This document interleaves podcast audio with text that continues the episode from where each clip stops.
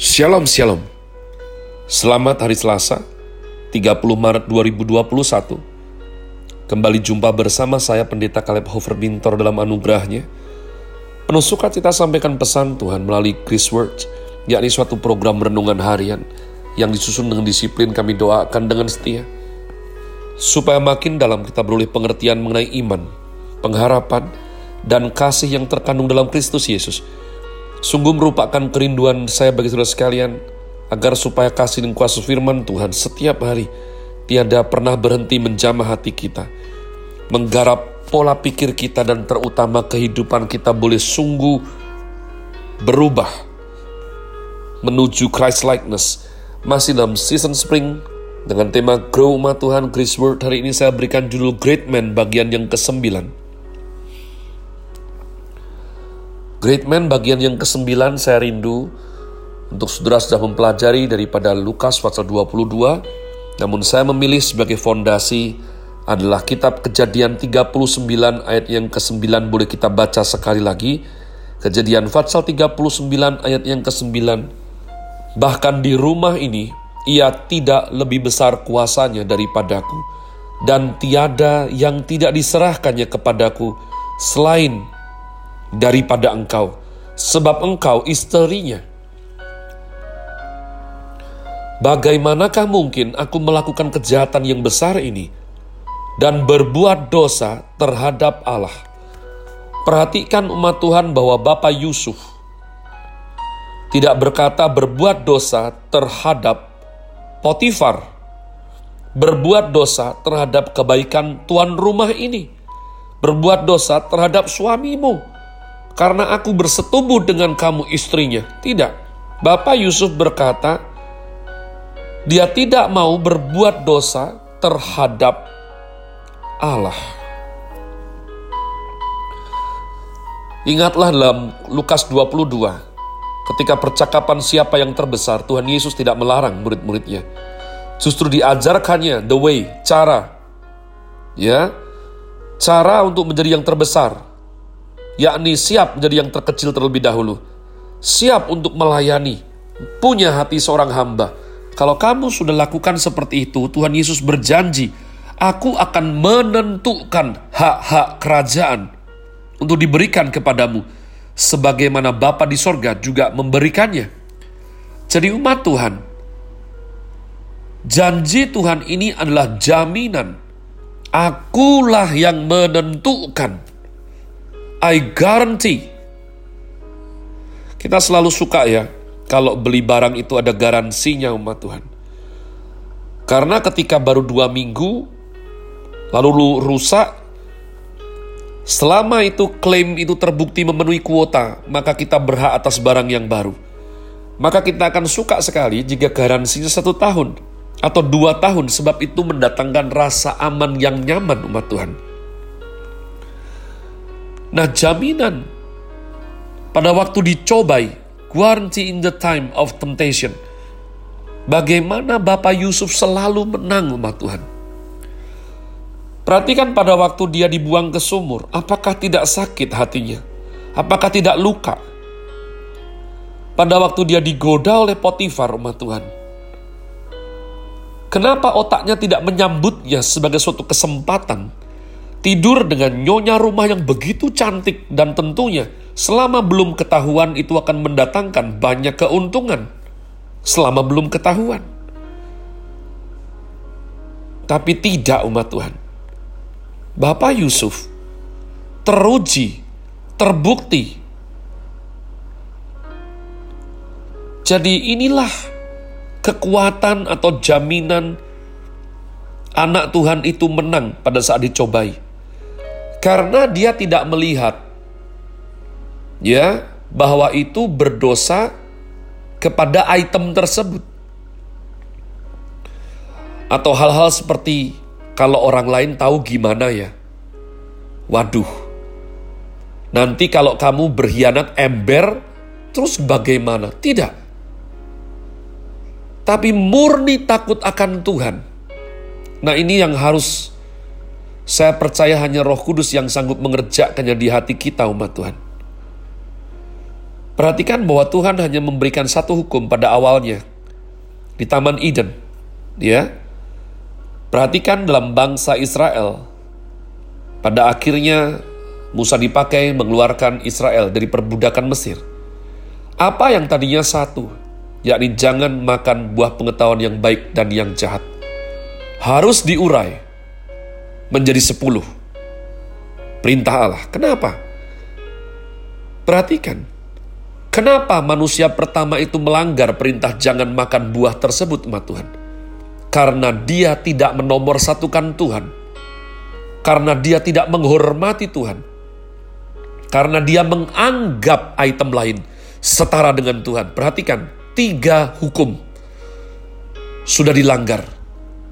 Dan dia tidak meninggikan nama Tuhan.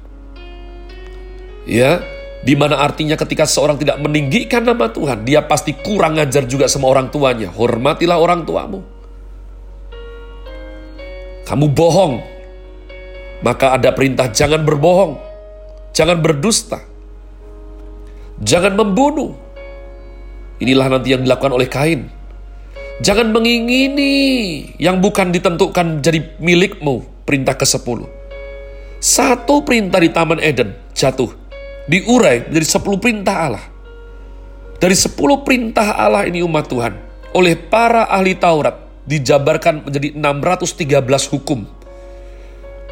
Ya, 613 hukum ini untuk saling jaga, supaya tidak langgar lagi. Ngeri tidak?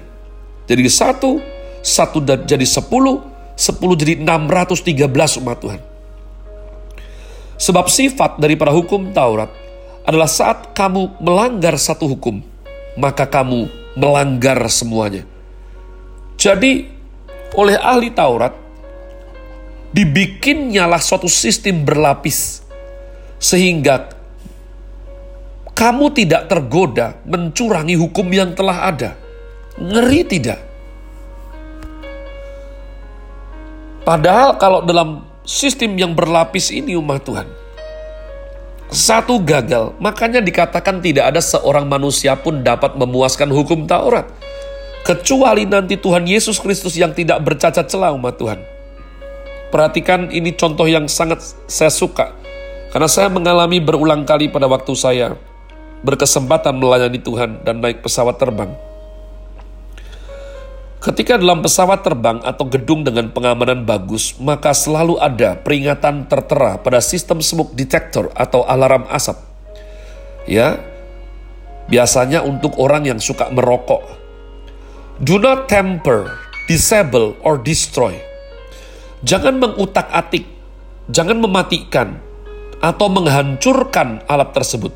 Mengapa butuh tiga sistem untuk satu sistem? Mengapa tidak satu peringatan saja? Jangan merokok atau bakar-bakar, ya, karena itu dilarang. Tapi kenapa butuh tiga kalimat? Jangan mematikan, jangan mengutak-atik, jangan menghancurkan. Karena ada yang bilang, aku tidak mematikan kok. Aku tidak menghancurkan. Loh tapi kenapa nggak nyala? Oh ternyata diutak-atik sama dia umat Tuhan. Juga ternyata ada jalur logikanya. Kamu utak-atik ya? Tidak. Kamu hancurkan barang itu, alarmnya. Tidak Pak, itu masih utuh. Tapi saya matikan ya. Lalu, lo ini kamu kok merokok? Kenapa nggak nyala?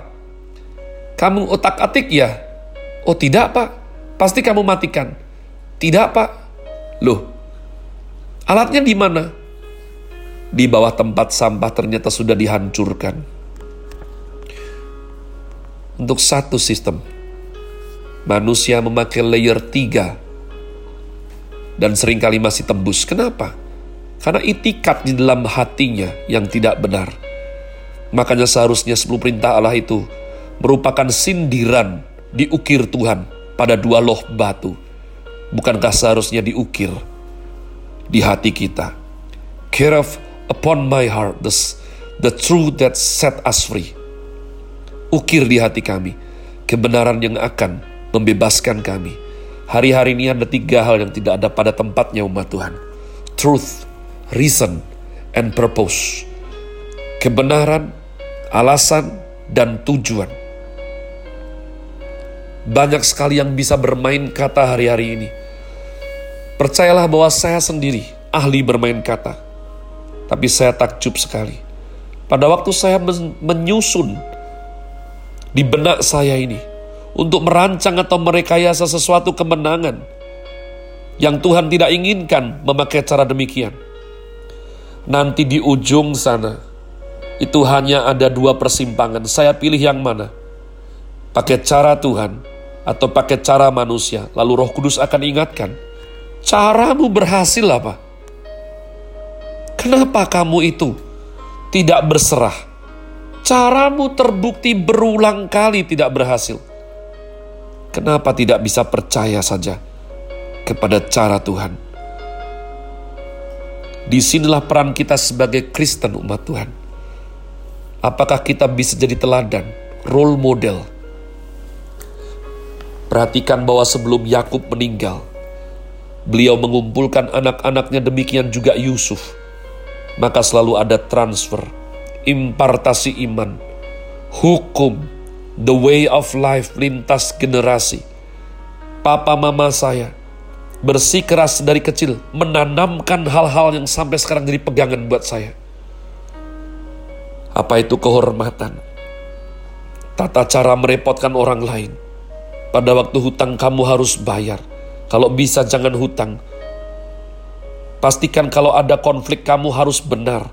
Kamu harus gagah kamu harus siap bahkan kalau perlu kehilangan nyawa. Demi kehormatan yang harus kamu jaga.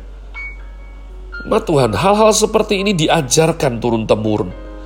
Yusuf menaruh kekuatannya pada Allah. Sehingga ketika Daud gagal,